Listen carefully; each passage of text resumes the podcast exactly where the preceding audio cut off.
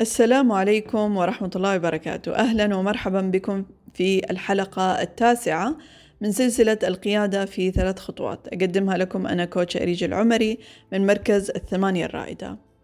اليوم موضوعنا موضوع شيق وموضوع أصبح له اهتمام كبير في مجال القيادة.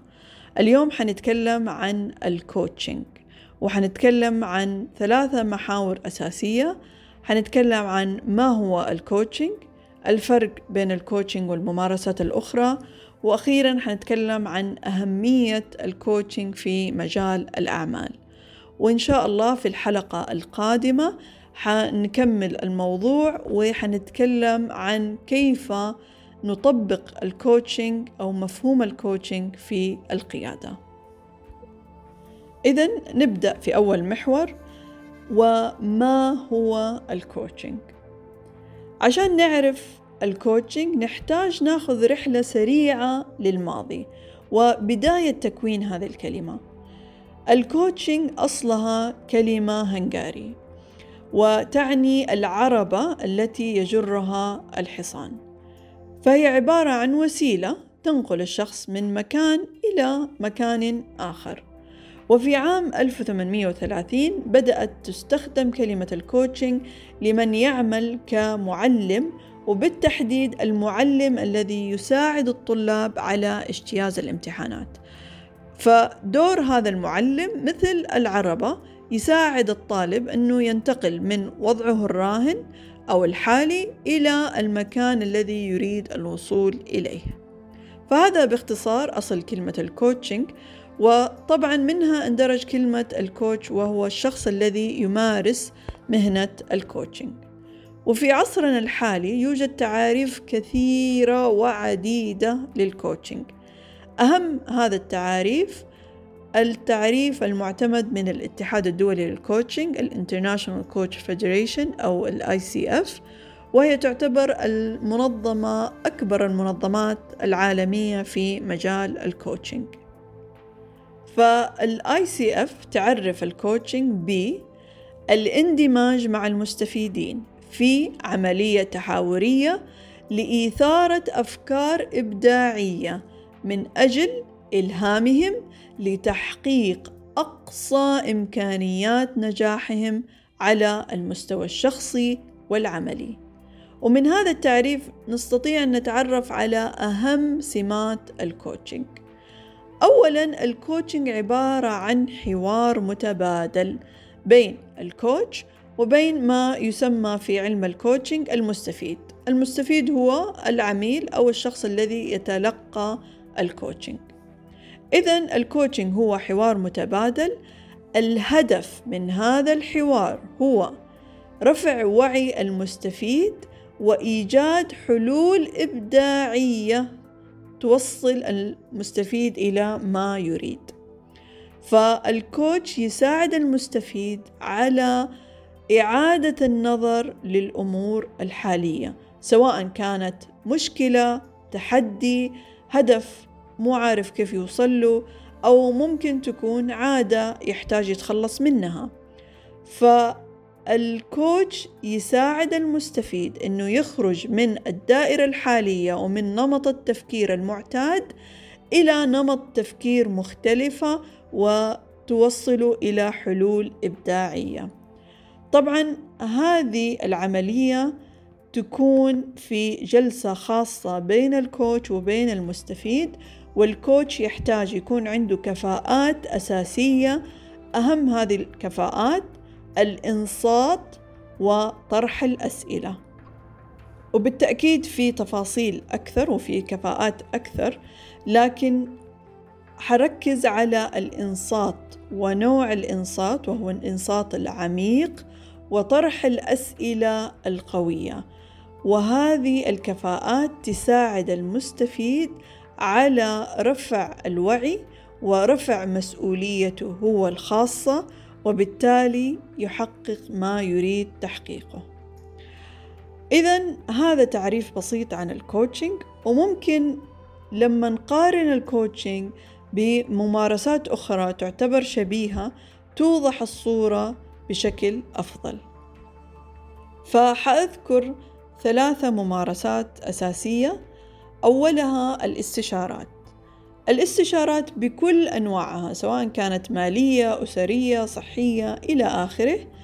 هي عبارة عن شخص خبير في مجال معين يقدم خبرته عن طريق النصيحة إبداء الرأي أو التوجيه المباشر لمن يطلبه. وهنا الحوار عبارة عن عميل أو مستفيد يطرح مشكلته ووضعه الراهن والمستشار بالتالي يعطيه الخطوات المناسبة للتخلص من هذه المشكلة. ثاني ممارسة العلاج النفسي. طبعا أكيد المعالج النفسي يحتاج يكون متخصص في مجاله والعلاج النفسي يركز على تاريخ المستفيد أو العميل ومن خلال معرفة المعالج لهذا التاريخ أو الماضي يقدم الحلول أو العلاج المناسب لهذا المستفيد. ثالث ممارسة هي التدريب. وأعتقد التدريب ما يحتاج إلى تعريف لكن هو باختصار شخص يدخل مجال التدريب أو يدخل إلى دورة تدريبية عشان يكسب معلومات أو معلومات يحتاجها أو ينمي مهارات في مجال معين. ولكل هذه الممارسات أهمية وكل منها تلبي احتياج مختلف وأيضا تختلف عن الكوتشنج في أمور جوهرية.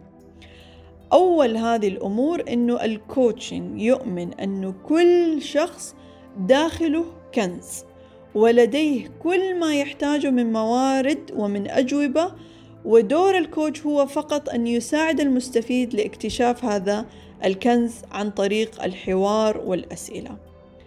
ثانيا ال coach يركز على الوضع الراهن وكيف ينقل المستفيد من الوضع الراهن أو الوضع الحالي إلى ما يريد الوصول إليه المستفيد فبالتالي يركز على المستقبل وليس الماضي ثالث نقطة المستفيد يعتبر هو الخبير في حياته وفي وضعه وهو القائد الأساسي في جلسة الكوتشنج فبالتالي هو من يحدد الأهداف هو من يحدد الخطوات وهو من يحدد كيف يصل إلى ما يريد الوصول إليه.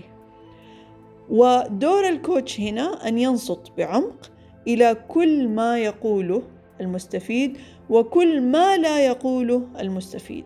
وبناء على الإنصات يس يسأل الأسئلة الصح والأسئلة التي تساعد المستفيد على الخروج من النمط التفكير العادي والخروج من الصندوق وتوصل إلى أجوبة لماذا يريد ولماذا يريد ما يريد وكيف يصل إلى ما يريد. وبناء على ذلك فالمستفيد هو يعتبر الخبير والكوتش لا يقدم النصيحة ولا يقدم المشورة ولا يقدم أي نوع من أنواع التوجيه سواء كان توجيه مباشر أو غير مباشر. حتى الأسئلة التي يطرحها الكوتش يجب أن تكون أسئلة بنوعية خاصة لا توجه المستفيد بأي شكل من الأشكال. فدور الكوتش ودوره الأساسي هو التنقيب وهو التعمق في الوضع الراهن للمستفيد لمعرفة واكتشاف الكنز الذي بداخله وكيف يوظف هذا الكنز لتحقيق كل أهدافه. فبالتالي هنا الكوتشنج أصبح مجال مختلف عن الاستشارات عن المعالجات النفسية وعن التدريب. أتمنى مع هذا التوضيح صارت الصورة أفضل ومعنى ال coaching صار أوضح بالنسبة لكم. الآن حنتكلم عن آخر جزئية وهي أهمية ال coaching وحنركز على الصعيد القيادي أو المهني وبالتحديد الاستفادة من ال coaching في المنظمات والمؤسسات أو في مجال ال business بشكل عام. حأذكر لكم بعض الفوائد وهذه الفوائد مبنية على دراسات وأبحاث وأرقام أقيمت في منظمات ومؤسسات طبقت ال coaching وطبقت ال coaching لفترات طويلة. بعض هذه الفوائد أولها رفع إنتاجية الفرد والفريق. أيضا تحسين فعالية فريق العمل بمعنى أنه فريق العمل يعرف يتعامل ويعمل مع بعض بشكل فعال أكثر. تحسين في إدارة الوقت رفع الآداء والإنتاجية بشكل ملحوظ. أيضا مهارات التواصل بين الأفراد تحسنت بشكل كبير. رفع مستوى الثقة بالذات رفع الإحساس بالمسؤولية اتجاه العمل والمهام المطلوبة بمعنى إنه الموظف أصبح له مسؤولية عالية وعنده شعور بالمسؤولية العالية اتجاه عمله والمهام اللي مطلوبة منه. أيضا تحسين في العلاقات والقدرة على حل المشاكل والتفكير الإبداعي والكوتشنج يساعد كثير في حل المشاكل والوصول إلى حلول مختلفة وحلول إبداعية. أيضا رفع مستوى التعاون بين فريق العمل فبالتالي يصبح بيئة العمل بيئة محفزة وبيئة تدعم الموظف للإنجاز المتميز. وهذه تعتبر بعض الفوائد ولا شك إنه في فوائد أكثر لكن من الفوائد اللي لاحظتها الشركات إنه مردود الاستثمار بمعنى إنه الشركة التي تستثمر في مجال ال coaching وتطبق ال coaching لرفع الأداء والإنتاجية فإنها تحصل على عوائد كبيرة. وفي إحدى الإحصائيات وجدت إنه العائد كان ستة أضعاف قيمة الاستثمار في ال coaching فهذا مؤشر واضح إنه لل coaching مجال جدا مهم ودور جدا مهم في الشركات وبالتحديد في المجال القيادي. وهنا وصلنا إلى ختام هذه الحلقة. تعرفنا على ال coaching وبإذن الله حنتكلم أكثر في الحلقة القادمة وكيف نطبق ال coaching في المنصب القيادي.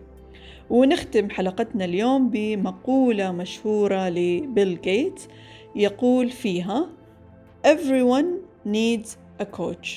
كل شخص يحتاج إلى كوتش شكرا على المتابعة دمتم في حفظ الله ورعايته.